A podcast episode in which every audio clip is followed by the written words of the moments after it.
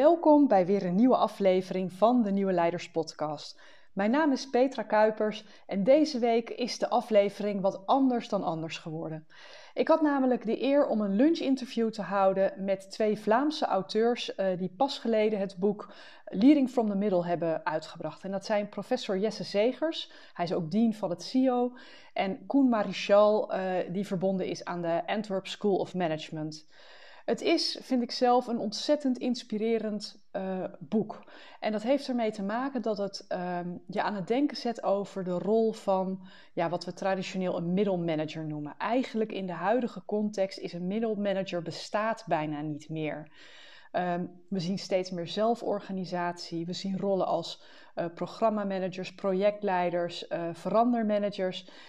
Maar wat wij allemaal met elkaar gemeen hebben in al die verschillende rollen, is dat we te maken hebben met een context waarin we niet de hoogste hiërarchisch in rang zijn, maar wel iets van andere mensen voor elkaar uh, moeten weten te krijgen. Um, daarbij lig je nogal eens in een, in een spagaat. En dit boek ligt heel mooi de verschillende dimensies uit van die rol die je vanuit het midden kunt vervullen. En maakt het ook uh, aantrekkelijk om die rol goed te vervullen. Want op de keper beschouwd, als je daar effectief in wordt en je weet je zo te ontwikkelen dat je op alle vier die dimensies uh, actief gaat worden en daar ook plezier uit kunt halen, dan kun je op het middenniveau veel meer voor elkaar krijgen dan wanneer je bij wijze van de hoogste in rang bent je hebt als enige te maken met um, uh, niet alleen uh, de top van de organisatie, mensen op de werkvloer, maar ook alle stakeholders om je heen. Je bent een soort spin in het web en vanuit die positie ongelooflijk krachtig. Maar wat het boek voor mij extra bijzonder maakt, en daarom heb ik het ook met heel veel plezier gelezen en vervolgens het interview gedaan, is dat het een aantal dingen benoemt die normaal gesproken niet zo heel snel met leiderschap worden verbonden. Een van de dingen is dat er wordt gesproken over de toxiciteit die kan ontstaan als je in een organisatie werkt. Het gaat niet voorbij aan het feit dat je um, nou ja, gebukt kan gaan onder menselijk gedoe als je op zo'n uh, positie zit. Je ligt nogal eens in een spagaat tussen verschillende partijen. En het is normaal uh, en menselijk dat je daar last van kan krijgen. En wat zij uh, zonder de clue te verklappen, uh, heel mooi meegeven, is hoe je daar vanuit menselijkheid ook mee om kan gaan. En nog een kleine hartekreet aan het eind van het interview uh, worden er een paar dingen gezegd die wat mij betreft meteen op een, uh, op een kalender, op een tegeltje of op een t-shirt mogen worden gezet. Uh, ongelooflijk waardevol en ontzettend mooi om op die manier naar leiderschap te kijken. Dus ik wens je heel veel inspiratie toe met dit interview met Jesse Segers en Koen Marichal. En wat, wat was voor jullie de aanleiding om dit boek te schrijven? Want het is best een proces geweest, uh, begreep ik. Misschien wil je daar iets over vertellen. Zowel Koen als ik kunnen daar natuurlijk iets over vertellen. Uh, het is eigenlijk Koen die ooit de aanstichter is geweest. Want ik denk, we spreken dan 2000 en 2010 of zo. Uh, vroeg Koen aan mij, wil je meehelpen om een uh, programma te ontwikkelen voor middenmanagers? En dat was mede veroorzaakt door het feit dat Koen toen een mooie analyse had gedaan op de Nederlandse en de Belgische markt van uh, wat voor uh, programma's zijn er eigenlijk allemaal beschikbaar. En dan bleek dat heel mooi polair te zijn. Dus ofwel start to lead, zo van die beginnende leidinggevende uh, vaardigheidstrainingen, ofwel veel meer voor de top, maar die mensen in het midden waren echt, was het ondergeschoven kindje, dat was onderbedeeld. We hadden er acht, geloof ik, programma's gevonden op een 81 of 83, als ik me, als ik me niet vergis. En zo is eigenlijk, we hebben zo'n programma dan gebouwd, um, samen met een paar andere mensen, en dat is redelijk succesvol geworden. Uh, en allerlei spin-offs gekend in organisaties. En we hebben daar heel wat kennis verzameld. En toen dachten we in 2015, denk ik, is de eerste keer het idee ontstaan, we zullen dat maar eens in een boek gieten. Ja, dan is, het, uh, dan is het leven ertussen gekomen en uh, hebben wij ook allerlei extra verantwoordelijkheden bijgekregen. En dan ben ik ook naar CEO gegaan in 2018. En waren nog andere prioriteiten. Tot eigenlijk Koen deze zomer zei, Jesse, nu zal en moet het er komen. En heeft, is hij beginnen trekken. En kijk, wij zijn nu gelukkige mensen. En ons, ondertussen heeft ons, uh, onze kijk op uh, wie daar in het midden zit en onze ervaringen uh, ook wel uh, het boek op een hoger niveau gebracht, moet ik zelf zeggen, bijvoorbeeld het hoofdstuk rond uh, de interactie met de top. Dat zou ik niet in 2013 hebben kunnen schrijven. Ik, ik ben zelf aan verantwoordelijk, dus ik kan ook niet enkel vanuit kennis, maar vanuit een soort embodied knowledge. Um, is het boek ook mee verder vormgegeven. En Koen op zijn manier en Daan op, op zijn manier. Dus ik denk dat het rijpingsproces zoals goede wijn ervoor gezorgd heeft dat het boek beter is geworden. Ja, eh, en uh, als, we, als we kijken, en, misschien uh, de, de vraag stellend aan, aan Koen. Wat is, en dan pak ik even de metafoor op van, van Sinek met zijn gouden cirkel. voordat we naar de inhoud gaan en naar de werkende principes en het wat kijken. Wat is eigenlijk de kernovertuiging die erachter zit? Waarom noemen jullie het mensen in het midden en niet gewoon leiderschap of uh, of middelmanagement. dat laatste hebben jullie iets toegelicht. Maar waarom niet, niet gewoon leiderschap noemen, maar, of leiders noemen, maar mensen in het midden? Goedemiddag, uh, uit Antwerpen. um, ik denk de, kernboodschap is dat de mensen in het midden eigenlijk de sterkhouders zijn van organisaties. Zij houden de tent recht, zij ehm, maken de strategie uh, waar. Uh, zij brengen verandering. Um, en, en, dat is eigenlijk het bijzondere geweest, denk ik, waar we van in het begin ons bewust van werden, ook vanuit de literatuur, dat eigenlijk het een soort unserved audience is, dat er eigenlijk weinig expliciete aandacht voor is, terwijl het juist de kracht van een organisatie daar zit. En dat is eigenlijk alleen maar toegenomen. waarom dan mensen in het midden? Omdat ehm, het, het uh, humanistische idee in leiderschap, van het gaat over mensen en we werken met mensen, eigenlijk alleen maar belangrijker geworden is. En juist door zo'n label te gebruiken als middelmanagers, en ik kom zelf uit middelmanagement, en ik heb ooit uh, competentiemodellen ontwikkeld voor middelmanagers, maar dat, maakt het, uh, dat objectiveert het helemaal, rationaliseert het. Je krijg je heel afstandelijke modellen en, en processen en aanpak. Terwijl eigenlijk de kern van de boodschap is, het zijn, zijn echt eh, unieke mensen met unieke bijdragen. Ehm, en dat moet ook benadrukt worden. Net zoals eh, de top, de top bestaat ook niet. Het zijn mensen in de top. En het is het samenspel tussen mensen, mensen aan de top, mensen in het midden, mensen in de, in, in de operationele laag van de organisatie. Het is dat samenspel dat eigenlijk de organisatie sterk maakt. Goed. En, en als we kijken, want dan hoor ik een heel duidelijke... Ehm, uh, geen focus op functies en rollen, maar op de mens en zijn vaardigheden. Uh, die, die hoor ik naar boven uh, komen. En als we dat nou eens combineren met een deel van de toehoorders die veranderaars zijn of project- en programmamanagers, met de vraag mhm. natuurlijk, is er een verschil dan? Maar in project- en programmamanagement zie je een hele duidelijke andere rol met, met agilisering, zoals ik dat noem, en met scrumpelen. Als je er naar kijkt, van hoe kijken jullie dan naar die beroepsgroep en hun rol vanuit de mens in het midden? Dat is, dat is wel grappig, omdat ik lang een hele grote club van programmanagers en projectmanagers bediend heb vanuit Hager. Ehm, en de grote kritiek, dat was de IT-organisatie, een heel groot bedrijf. De grote kritiek vanuit de klant was van die programmanager en projectleiders die ontbreken, ontbreken leiderschap. Ehm, en dat is eigenlijk voor mij het startpunt geweest om op zoek te gaan naar maar wat is dat dan? Leiderschap van projectleiders of van programmanagers of change managers. Ehm, en eigenlijk in essentie komt het meer op een meer 360 eh, graden kijk hebben op de rol die je hebt of op de positie die je inneemt in een organisatie. En dat je niet alleen uh, je rol verengt tot naar wat er beneden toe moet gebeuren, wat, wat eigenlijk een beetje de klassieke rol is van middelmanagers. Hij krijgt een stuk, een opdracht van boven en moet eigenlijk ervoor zorgen dat het zo goed mogelijk uitgevoerd wordt. Uh, en als dan uh, ja, die notie van ontbreekt leiderschap ging het vooral over, ze ontwikkelen te weinig krachtige relaties met stakeholders rond hen. Dus met de opdrachtgever, met, met interne klanten. ze hebben een, een, te weinig systemische kijk op hun plek in de organisatie. Ehm, en dat is eigenlijk ook wel wat we heel hard uh, benadrukken, denk ik, met, met ons ideeëngoed. En uh, wat nog altijd wel heel hard aan de orde is. Ja.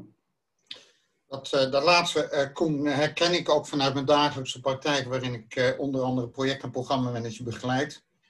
Bij de ene organisatie hanteren we en kunnen we en mogen we taal hanteren als hoe krijgen we de knikker in het kuiltje. dat, dat is een belichaming van vertaling van systemisch denken. Bij de andere organisatie is het van, hé, hey, wat is dat voor vreemde taal? Nu, nu zeggen jullie van, kijk om je heen. En kijk naar die 360 graden om je heen. Dus opzij, naar boven, noem maar op. Maar wat nou als de, de mens in het midden in de spiegel kijkt? vraag, vraagt dat een andere manier van kijken? Zeker. Ik, ik zal uh, het stokje overnemen, Koen. Zeker. Um, als je het boek doorneemt, ga je ook regelmatig zien dat daar uh, aangestipt wordt dat het ook veel identiteitswerk vraagt. Het is niet voldoende om gewoon wat vaardigheden uh, te ontwikkelen, want er zijn dan vier rollen, we zullen daar ongetwijfeld dieper op ingaan, maar er zit wel een mens in die rollen.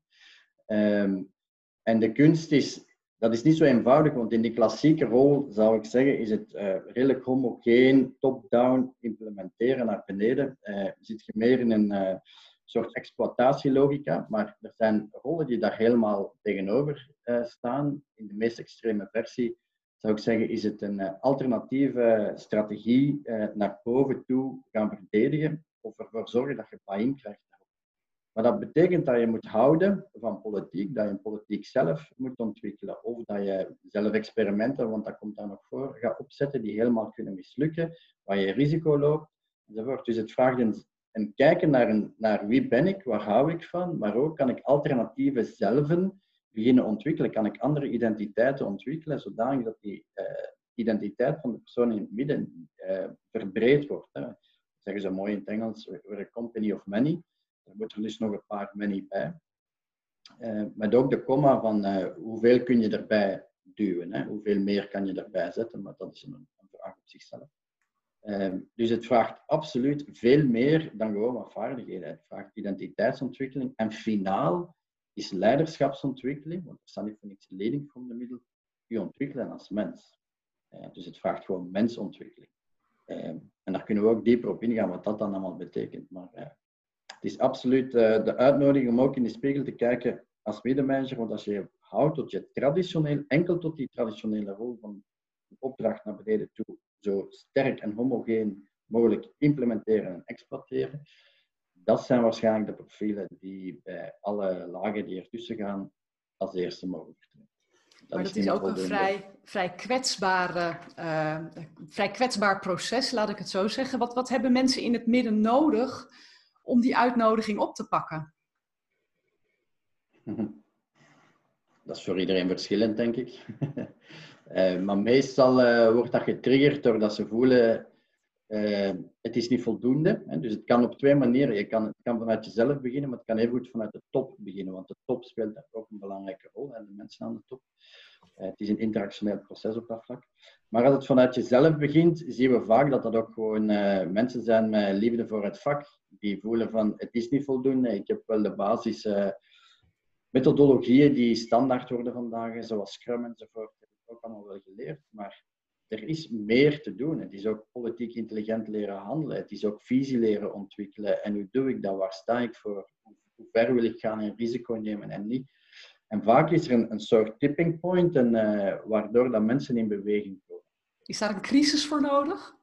Uh, zo, zo hebben wij mensen die zich aanmelden bij ons, hè, die verwacht zijn en, en, en zo voelen van ik, er is een nood ontstaan en, de wereld is aan het veranderen. Dat gebeurt en dan, dat is dan goed voor hen, maar niet allemaal. Je hebt er ook die zich natuurlijk in plaats van in de aanval te gaan bij een crisis net terugtrekken. Ja. Um, en steeds verder, en de, top krijgt, de mensen aan de top krijgen daar ook steeds minder grip op en die sluiten zich terug op hun eiland.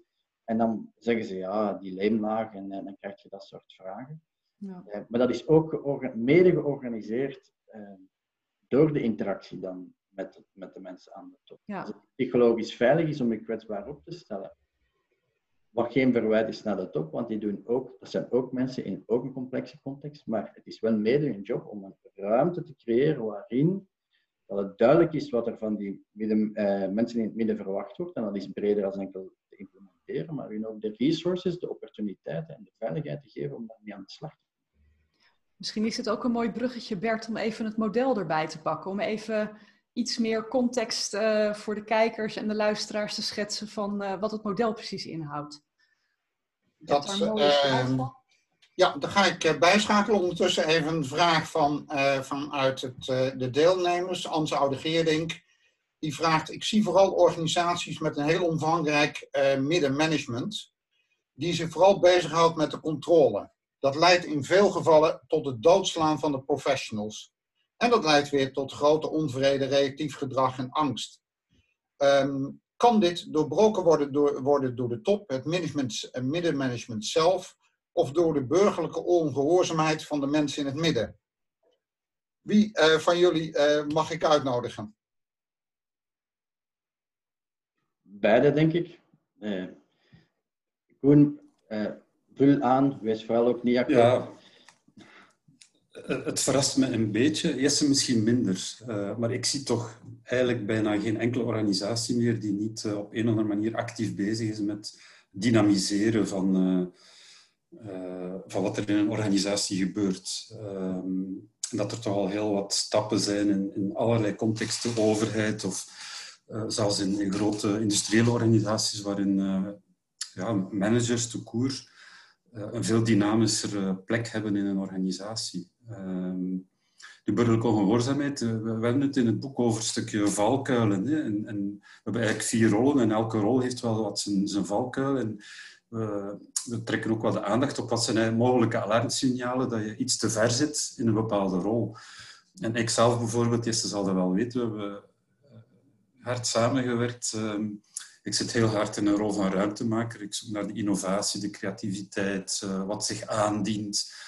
Um, en ik krijg dat vaak moeilijk vertaald in de eigen organisatiecontext. En dan kom ik in, een, uh, in de rode zone terecht van het gevecht. Zo van uh, de frustratie van, waarom zien ze het nu niet? Of waarom begrijpen ze het toch niet? En, en dan begin ik druk te zetten en dat gaat verder. Dan, zit ik in de emotie zo van...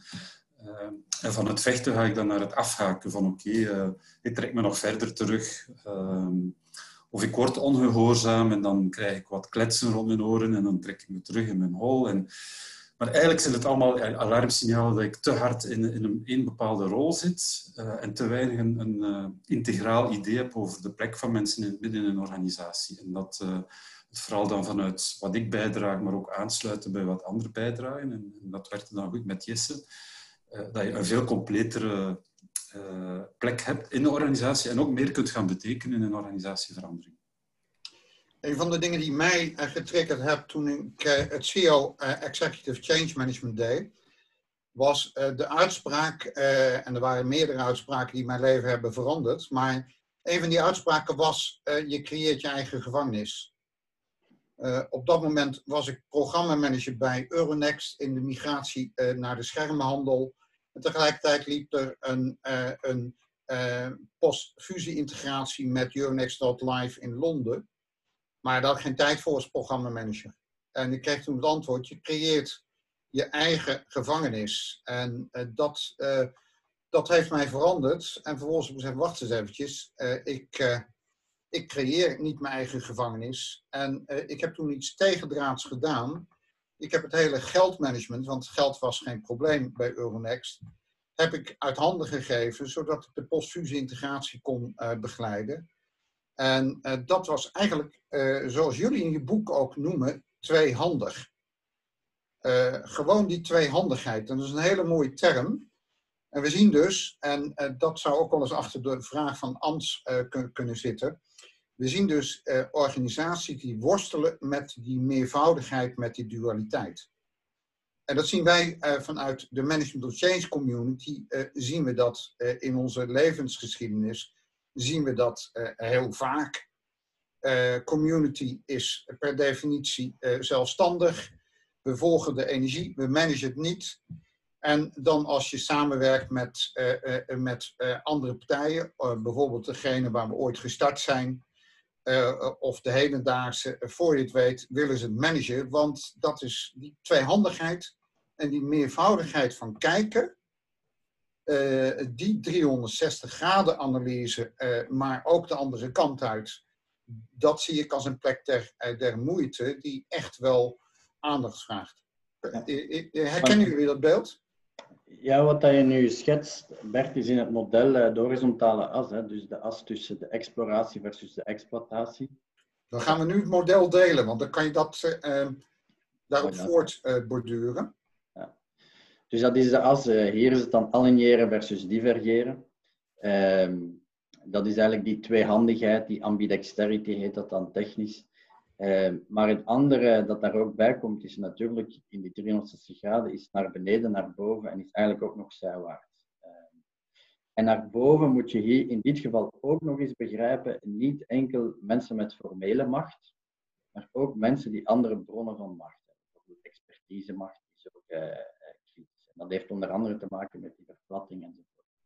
Dus mensen die gewoon meer machtbronnen hebben over het thema waar, waar het dan over en wat Koen net beschreef, uh, is rechts onderaan, is de ruimtemaker. Is iemand die uh, experimenten opzet, de ruimte zoekt, uh, eigenlijk alternatieve strategieën uittest, kleinschalig, maar op een zeker moment um, de business case wel heeft om dan terug naar boven te gaan, te zeggen van, kijk, uh, die formele strategie die ik links onderaan als showrunner aan het implementeren ben en waar ik ontdekt heb dat in de abstractie we allemaal wel akkoord zijn, maar in de operatie, er toch een paar dingen niet helemaal werken dat we dat gedacht hebben.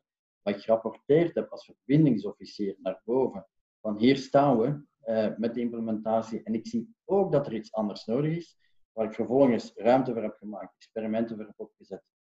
Moet je dan naar boven verkopen en daar loopt het, zie je, weinige uh, nemen trouwens die rol van die strategie-uitdager op. Als je dat fout doet, is het ook make or break your career. Hè? Uh, en een klassieke fout die bijvoorbeeld gemaakt wordt, is dat mensen uh, naar boven toe hun oplossing gaan verkopen. Wat natuurlijk heel bijzonder is, want hoe wil je nu dat de top betrokken is op je oplossing als ze niet eens betrokken zijn op je probleem? Dus het is vaak heel slim dan leren kijken van wat heb ik nu te doen om ervoor te zorgen dat überhaupt datgene wat ik in mijn ruimtemakersrol geëxperimenteerd heb en geloof dat er toekomst voor is, dat de top eh, daarnaar kan kijken, wil kijken en ook aanvaarden dat de, dat de mensen aan de top het maar deels gaan pakken. Want je bent niet de enige die die strategie uitdaagt. Er zijn waarschijnlijk nog zeven andere mensen die ook een alternatieve strategie hebben en daar moeten zij dan chocola van maken, in referieën uitleg kunnen geven dat mee integreren in die 90% formele strategie die ook nog belangrijk is, waardoor dat die showrunner-rol weer verder gaat. En die mensen in het midden vormen vaak die verbinding tussen die twee werelden die je beschrijft. En net daarom zijn ze zo kritisch. Omdat zij in die verschillende werelden eh, niet enkel leren, moeten leren denken, maar ook vaak acteren. En, en, als je gaat kijken naar, want uh, dat is wat we bij de boekbespreking in de community, uh, uh, daar stapten we al vrij snel in het verkeerd interpreteren. In jullie boek laten jullie een aantal mensen aan het woord die in die rollen zitten. En de gedachtegang bij ons was dan, oké, dat zijn dus mensen. Dus ik ben vooral verbindingsofficier. Dan wel ben ik ruimtemaker. En dat is was bij ons een misvatting. Uh, kan je daar ons een handvat geven? Hoe kijken we naar dit model? Ik kan dat doen, Koen, jij kan dat ook doen. Uh, we hebben inderdaad telkens vier uh, verschillende individuen, mannen, vrouwen in verschillende contexten geschetst per rol. Maar de opdracht is eigenlijk om die klassieke rol van showrunner, die trouwens ook een beetje veranderd is, want vroeger was dat gewoon dat zeggen goed people management, daar zit ook nu heel die veranderkundige expertise, uh, zit daar ook aangeplakt bij die showrunner, uh, is om die drie andere rollen ook te beginnen opnemen. En we hebben allen natuurlijk voorkeuren voor bepaalde rollen die ons meer of minder liggen. En uh, we hebben daar zelf ook lang op gepuzzeld, is dat eigenlijk wel mogelijk om alle vier rollen goed te kunnen opnemen. En kan je dat, is dat niet wij zeggen in Brussel, le mouton avec zijn pad. Hè. Is dat niet het schaap met vijf poten dat we hier aan het zoeken zijn? En het antwoord voor ons is daar tweeledig op. Enerzijds, ja, je hebt mensen die die vier rollen kunnen, maar die zijn schaars. Ehm, maar het is veel eer ook kennis hebben van dat die andere rollen ook verwacht worden. Dat het voorbeeld dat geeft, van ja, mijn natuurlijke energie zit op die ruimtemaker, maar misschien moet ik uh, iemand zoeken die bijvoorbeeld makkelijker die strategie kan helpen uitdagen, zodat dan mijn ideeën uh, uh, makkelijker ingang vinden aan de top. Dan wordt het leiderschap ook veel meer een gedeeld leiderschap. Maar het vraagt wel dat je taal verstaat en dat je die percepties van die andere mensen op zijn minst ehm, hebt in je repertoire. En vervolgens wordt dat dus een dans hè, tussen die verschillende rollen, naar gelang de context. Neem nu corona. In corona zie je opeens dat er veel meer homogeniteit is. Jongens, het gaat over overleven, korte termijn. We moeten uh, volume draaien. Uh, en dan zie je dat dat opeens veel meer aan die linkerkant komt. Die showrunner wordt super kritisch. Want die ruimtemakers zitten natuurlijk op middellange tot lange termijn te redeneren.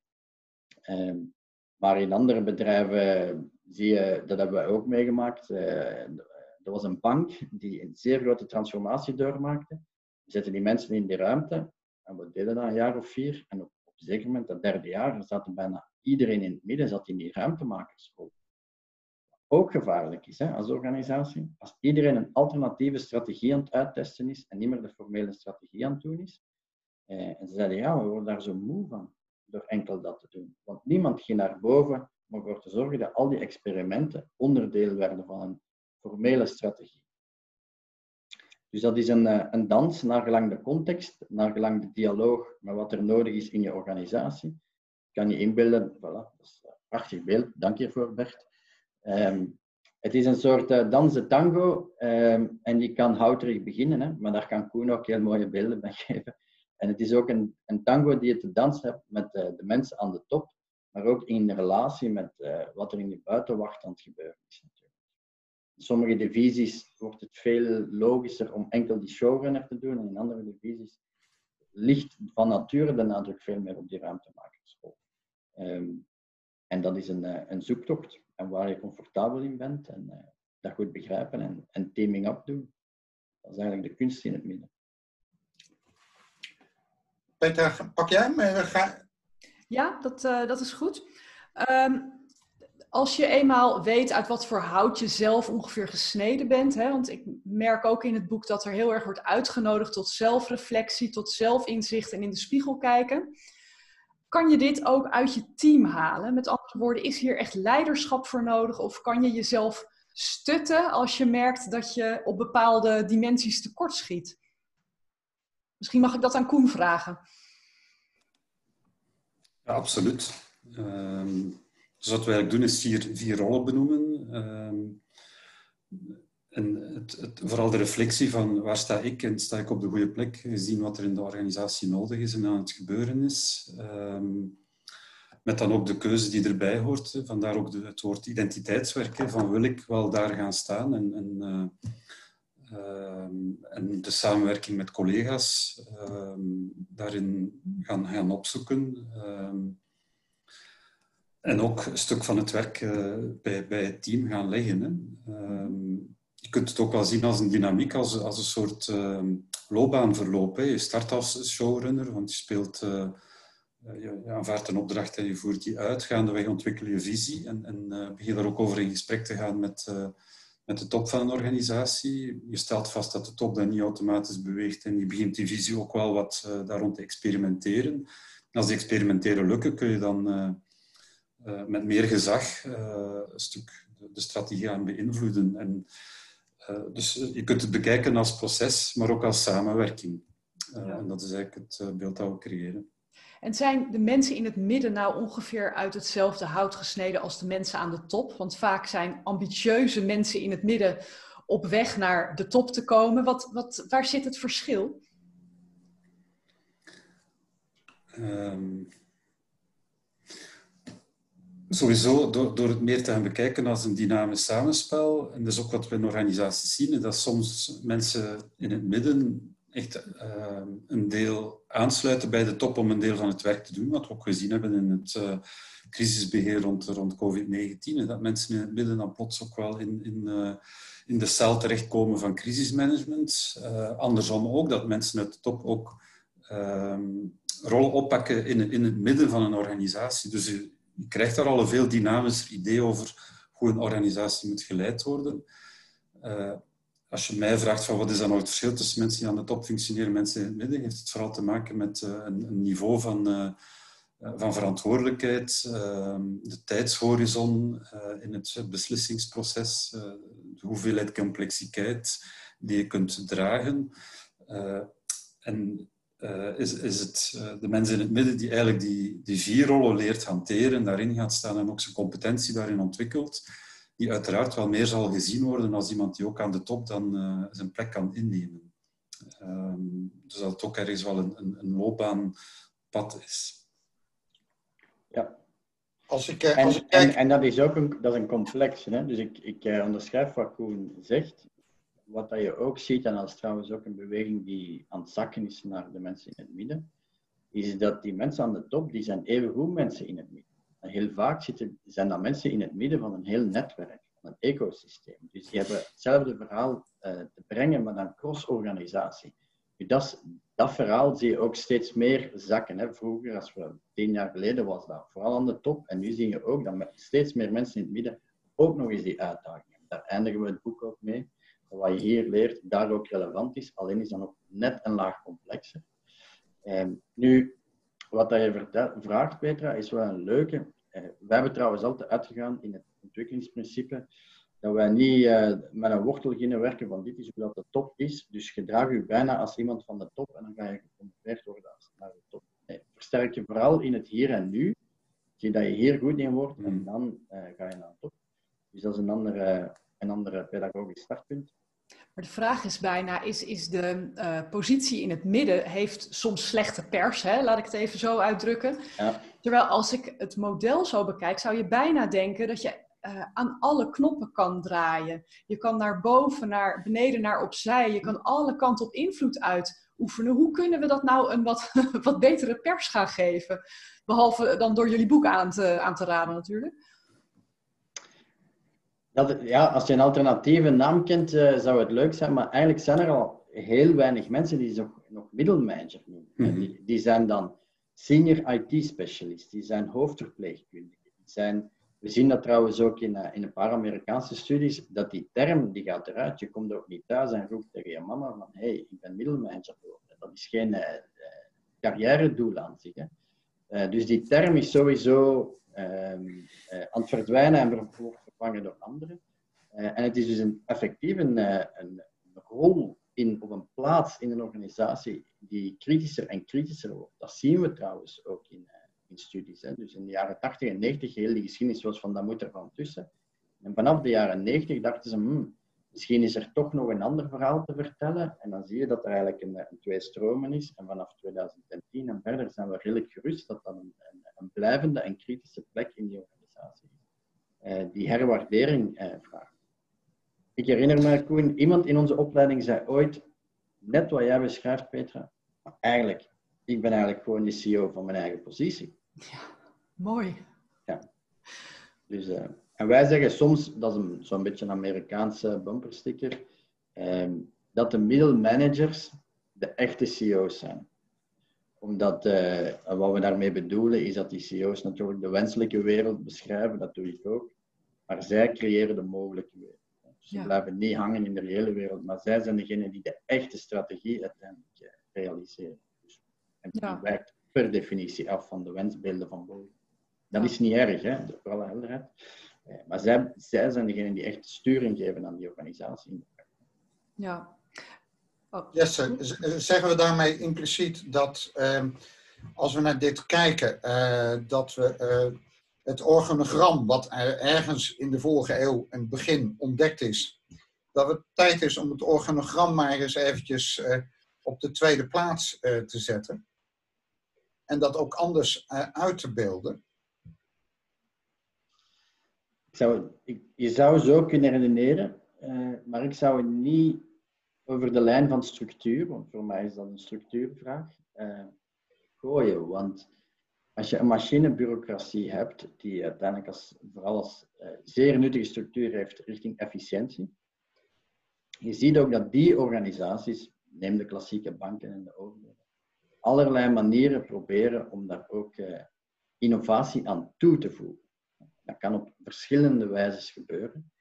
Maar in, in, in sommige stukken van die organisatie blijft dat klassieke harkje een zeer nuttige structuur om te houden. En dat maakt leven, als je in het midden leeft, nog ingewikkelder soms. Omdat jij vanuit een, vanuit een harkje moet werken met een zwerm. en dat botst dan soms. Maar soms moet je vanuit een zwerm werken met een stukje harkje. En is dat ook ingewikkeld. Dus die intelligentie om te weten in welk water dat jouw klanten horizontaal, jouw collega's werken, en eh, daar visie op ontwikkelen en daar ook handelingsrepertoire ontwikkelen, ook best belangrijk. Koen, jij wilt net nog even ja, terug. Om gewoon te zeggen, we gooien het harkje eruit, dat is, zo eenvoudig zou ik het niet doen. Ja. Het, uh, wat, wat, uh, wat het uh, ook eigenlijk linkt aan de veranderstrategie, en dan refereer ik aan bijvoorbeeld de veranderstrategie van Jaap Boonstra, leidend versus verkennend. Daar zal ongetwijfeld een relatie liggen. als het belang en de urgentie en de soort verandering daartoe geëigend is, dan ga je veel meer een leidende strategie geven. Het is my way or the highway. Dan al een verkennende strategie. Uh, voor de, uh, de deelnemers weet uh, dat, dat we dat ook achteraf delen, zodat jullie weten wat die veranderde strategie is. Zou ik eigenlijk nu terug willen gaan naar Koen, want Koen, jij stak straks je hand op. Je wou even ingrijpen. Dat ging over de, de reputatie hè? en, het beeld van ehm, en dat is eigenlijk net een van de dingen die de laatste jaren uh, nog wat, wat uh, bewogen heeft in het schrijven van het boek. Dat, dat in eerdere versie we inderdaad nog meer vertrokken vanuit een negatieve beeldvorming. Zo van de middelmanager is stuk in de middel, zit, zit vast, wordt gesandwiched enzovoort. en van de weeromstuit krijg je bijna een, een, een, beeld van de top die, die zit te duwen op het middelmanager, ontevreden is met het middenkader, de verwachtingen niet inlossen enzovoort. Waar we dan het boek hebben laten lezen door een aantal mensen die daar echt wel de vinger op legden. Zeggen, maar zo, is het vandaag eigenlijk al niet meer. Er is al niet meer, uh, niet meer heel sterk die perceptie van uh, een middenkader die vastzit en niet mee wil. En, de realiteit is wel wat anders. En, het boek draagt eigenlijk meer bij al tot... Die, de realiteit is wel veranderd, maar er liggen wel nog heel veel vragen van hoe moet het dan? En, en welke competenties hebben we dan nodig? En dat samenspel, hoe zit het juist? En hebben we inderdaad nog een eh, een hiërarchisch organigram nodig of niet. Dus het zit al veel meer in de uitvoering. Toen dat we een polling deden op een eh, webinar met een 150-tal mensen, viel ook op dat eigenlijk een heel klein percentage nog een negatief beeld heeft van de mensen in het midden. Dus dat is echt wel bijgestuurd. Het zijn heel complexe, boeiende, uh, verantwoordelijke functies geworden. Met uh, belangrijke verwachtingspatronen die er hangen. Er wordt echt wel veel meer gerekend op de mensen in het midden om organisaties recht te houden vandaag dan, dan vijf jaar geleden het geval is. Dat wou ik nog even, zodat die negatieve perceptie voor mijn part toch ook al wat uh, verleden tijd is. Nou, wat, ik, wat ik zelf heel, een, een, een, nou ja, iets wat bij mij binnenkwam, zeg maar, was uh, een opmerking in het boek dat elke organisatie creëert menselijke toxiciteit.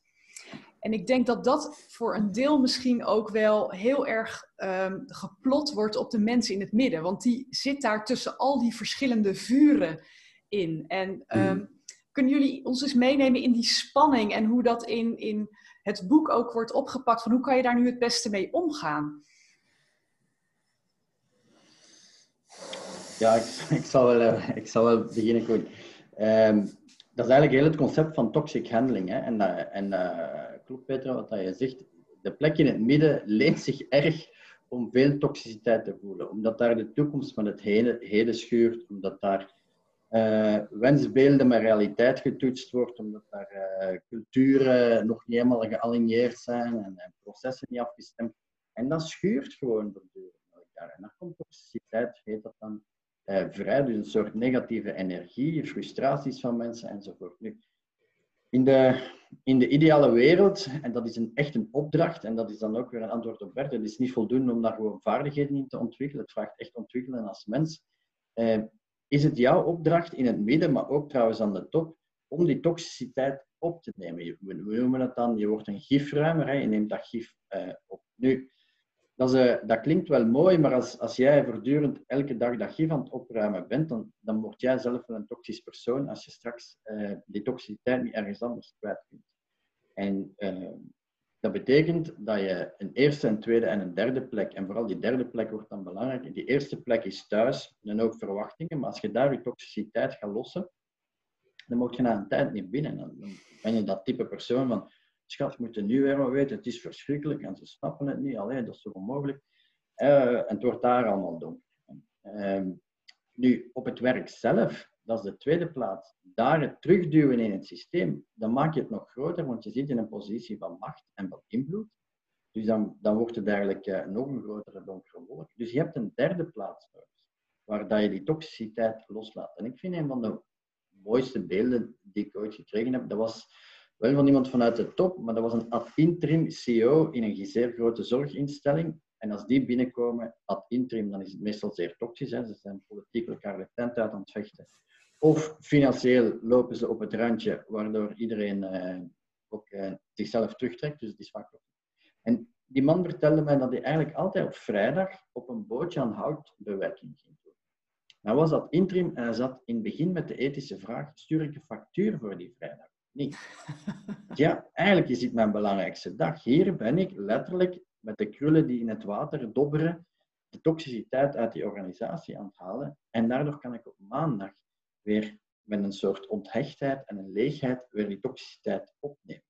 En dat, dat, is een, dat is niet gewoon vaardigheden, dat is echt ontwikkelen als mensen om dat te kunnen doen. En mensen die succesvoller zijn in het midden, die zitten ook die vaardigheid. Om eigenlijk als een soort betrokken beschouwer te kunnen functioneren. En dat is een ingewikkelde positie, want als je gewoon gaat beschouwen, ja, dan doe je niks. Maar als je te veel betrokken raakt, dan raak je in een kramp. En het is de hele tijd die kunst om als betrokken beschouwer eh, te ageren in dat heel dynamisch, complex veld waar allerlei botsende realiteiten en belangen samenkomen. Dus dat is een beetje het idee van die Mooi. Cool. Uh, toxic handler en gifruim.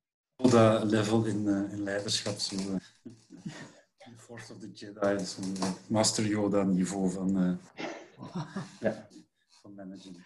Nou, wat, wat ik mooi vind is dat je niet zegt probeer een schil of een, een, een stolp om je heen te zetten om je daartegen te beschermen.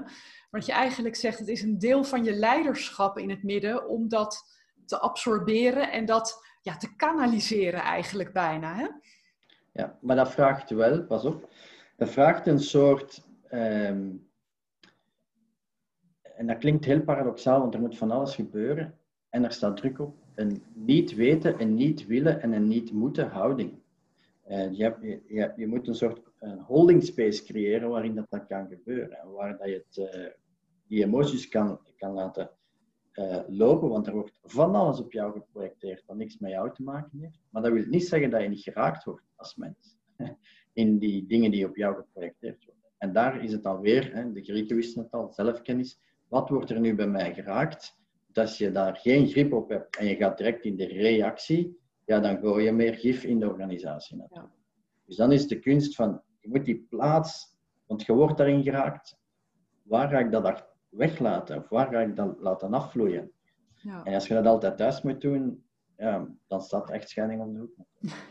Maar het vraagt dus meer om een groei in bewustzijn, dus eigenlijk meer verticale groei, dan horizontale groei in de zin van meer kennis, vaardigheden, competenties ontwikkelen. Jammer genoeg is het de twee. Ja. maar het is niet enkel vertica eh, de horizontale groei, maar die zou bijvoorbeeld kunnen zitten in uh, politiek vaardiger worden, dus uh, politieke slimheid ontwikkelen, weten welke beïnvloedingsstrategie ik moet gebruiken, functie van het machtsniveau van de andere persoon en dergelijke meer. Dus dat soort dingen zijn ook kritisch om te ontwikkelen, maar zijn hoogstwaarschijnlijk niet voldoende. Er zit absoluut, en dat proberen we ook te beschrijven, de verticale groei, de adult development theorie, uh, is absoluut een onderstroom. En dat heeft dan weer te maken met het gegeven dat dan nodig is, omdat de plek complexer is geworden. Dus als je dat, die theorie gaat kijken, je moet groeien als mens als de complexiteit groeit. En dat is een plaats die gewoon complexer is geworden, omdat die buitenwereld complexer is geworden, die organisaties zijn complexer. En dat is het harkje en de zwerm tegelijkertijd. Eh, en dat vraagt dus eh, ook gewoon als mens groeien Is iedereen daartoe? Oh, sorry. Sorry Bert. Als ik ook even kijk op de tijd, tien voor. We pakken we nog een paar minuten, vijf minuten om nog een paar losse eindjes op te pakken. En dan gaan we naar de afronding. Uh, wat, ik, uh, wat Petra net vroeg is van eigenlijk bewustzijn en uh, competenties in je eigen mens zijn en in de relatie met anderen te ontwikkelen. Hè? Dat is, als ik het zo maar even mag platslaan met alle onvrede die erbij hoort. Maar als ik dan ook kijk naar de vragen die vanuit de aanwezigen komen. dat is, ja, het middenmanagement heeft natuurlijk veel te, te, te verliezen. En een van de dingen die, uh, waarvoor jullie appel doen is, ga je nou ook als mens in het midden, top of uh, anderszins, ga je meer verwonderen over wat er plaatsvindt, creëer ruimte en een holding place, zoals je dat noemt. Maar welke interventies zou je nu als, als veranderaar, als change agent, als programmamanager, als projectmanager of hoe je jezelf ook noemt, Welke interventies kan je overwegen om uh, het proces wat jullie in je boek schetsen van uh, sense uh, making en sense breaking te stimuleren?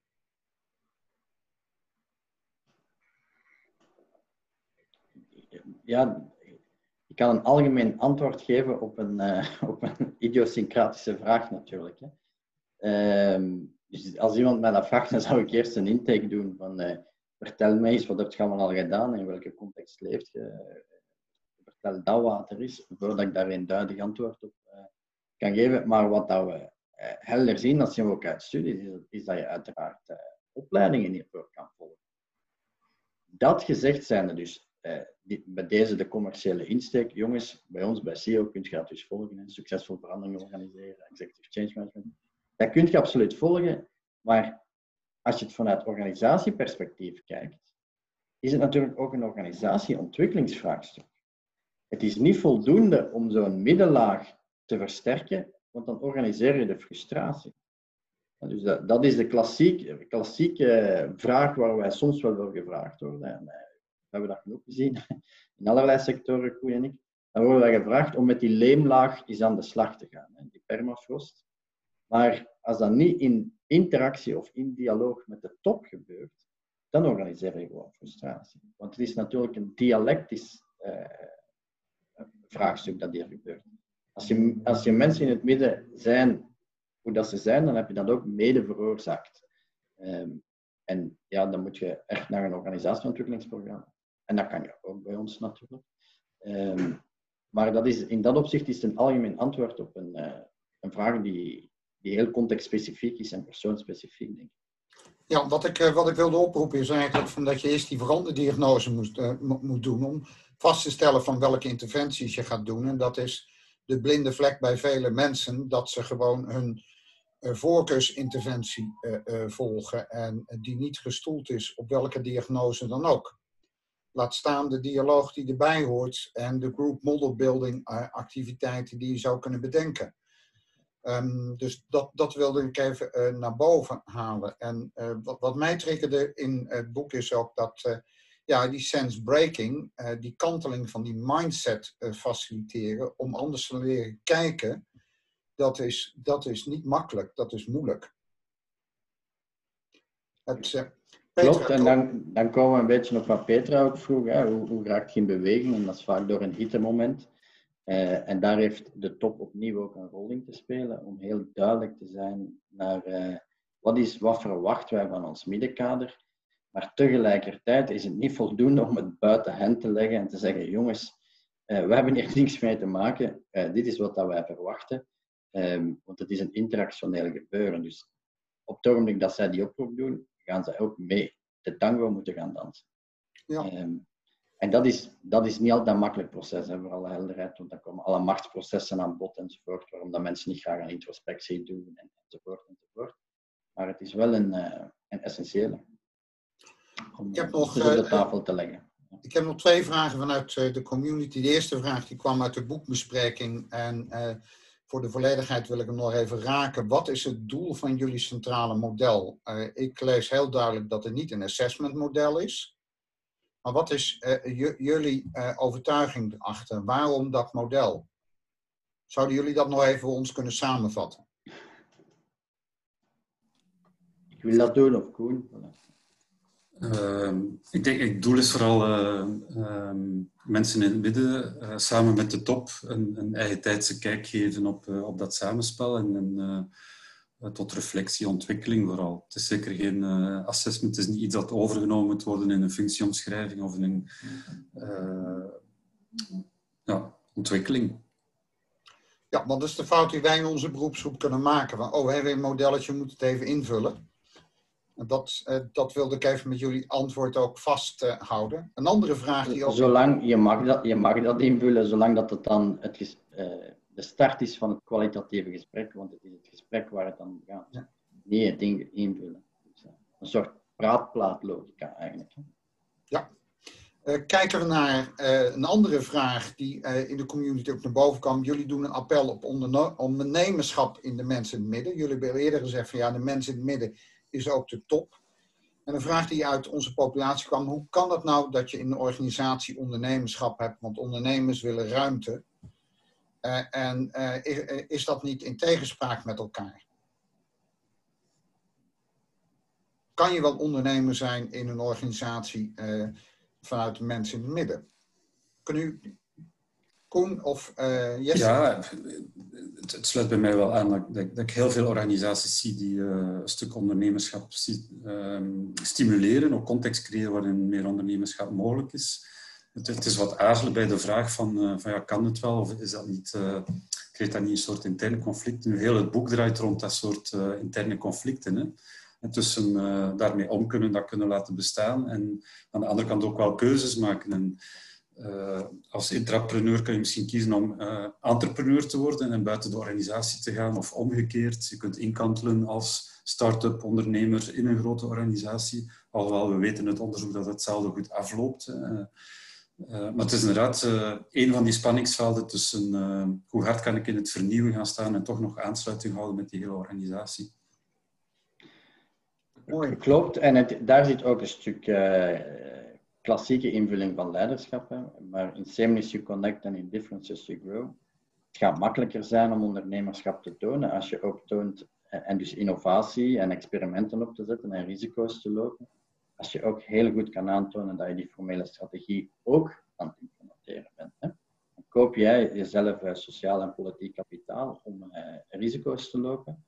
Um, en natuurlijk, is het weer een interactie met de top. De top dient daar een soort psychologische veiligheid te creëren, dat het ook mag falen.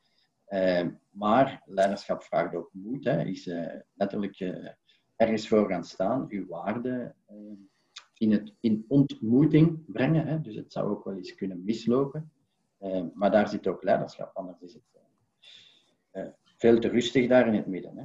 Dus, dat is dan ook een keuze die ook samenhangt met leeftijdsfase, met met tal van factoren. Hè. Vandaar dat je leiderschap niet kunt opleggen of dwingen. Uh, het zijn keuzes die mensen maken, hoeveel risico's willen nemen, enzovoort, enzovoort. Hè.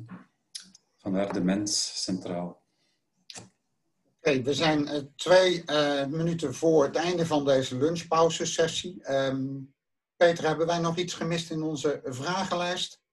Nou, ik had nog één, één prangende vraag zelf. En dat is of jullie wat willen reflecteren op de houding van verzoenende liefde. Dat is eigenlijk het antwoord wat jullie schetsen op die spanning die eigenlijk continu in dat boek terugkomt. De spanning steeds op twee assen. En daar wordt eigenlijk iets gezegd van verzoenende liefde. Dat is een, een denkrichting uh, die je kan ontwikkelen. Wil, wil je daar nog heel kort iets over zeggen?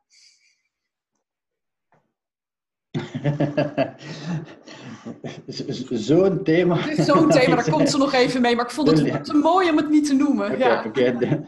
Want over de liefde is ook al eens iets geschreven in de wereld. Um, ja, finaal is leiderschap liefde. Hè? Uh, het is heel veel geven zonder dat je weet dat je iets terugkrijgt. En zolang dat jij, als je ruzie hebt in die paradoxen, in die conflicten, jij in je grote eigen gelijk blijft zitten, zonder de beweging te maken naar de anderen, is net zoals thuis, succes ermee. Dus het is diezelfde energie, het is diezelfde beweging van de verzoenende liefde, van die paradoxen eh, te omarmen, de meervoudigheid van kijken te omarmen, de meervoudigheid van handelen te, te omarmen. En te aanvaarden dat er gewoon spanning is. Dat we gewoon verschillend, maar ook gelijk zijn. Dus een soort interdependentie. Maar wat daarvoor nodig is, is diezelfde verzoenende liefde die je thuis zo goed kent en op het werk blijkbaar gaat verkeerd. Mooi. Ja, als, als Bert vroeg naar interventies, dan uh, dacht ik ook aan uh, laat de liefde primeren, laat de relatie primeren, laat de groep primeren. Uh, dus hou het open en, en, als je merkt van ik zit te veel met negatieve energie of frustratie of uh, maak, maak die beweging die dan eigenlijk contra-intuïtief is. Hè. Ja. Mooi. Liefde is ook de mens die van jou ondeugde deugde kan maken. Dat zijn de mensen die jou volledig aanvaarden en in jouzelf tegelijkertijd een beter beeld zien dan wat je bent of dat je zelf ervaart. En ook dat zit er allemaal in. Dus, maar dat kom je allemaal te weten op het einde van het boek. Dankjewel voor het luisteren naar deze aflevering. Ik hoop dat die net zo bijzonder uh, voor jou was om naar te luisteren als voor mij om daaraan mee te werken. En uh, dat je er de nodige inspiratie en ideeën uit hebt gehaald. Mocht je deze podcast op prijs stellen, Zorg dan dat je hem volgt, zodat je elke keer een melding krijgt als er een nieuwe aflevering is. En laat alsjeblieft een recensie achter in iTunes, zodat die makkelijker gevonden wordt door mensen die ook willen meepraten en meebepalen over hoe we leiderschap met elkaar op een andere, nieuwe manier gaan invullen. Ik dank je heel erg en ik tref je heel graag bij de volgende podcast.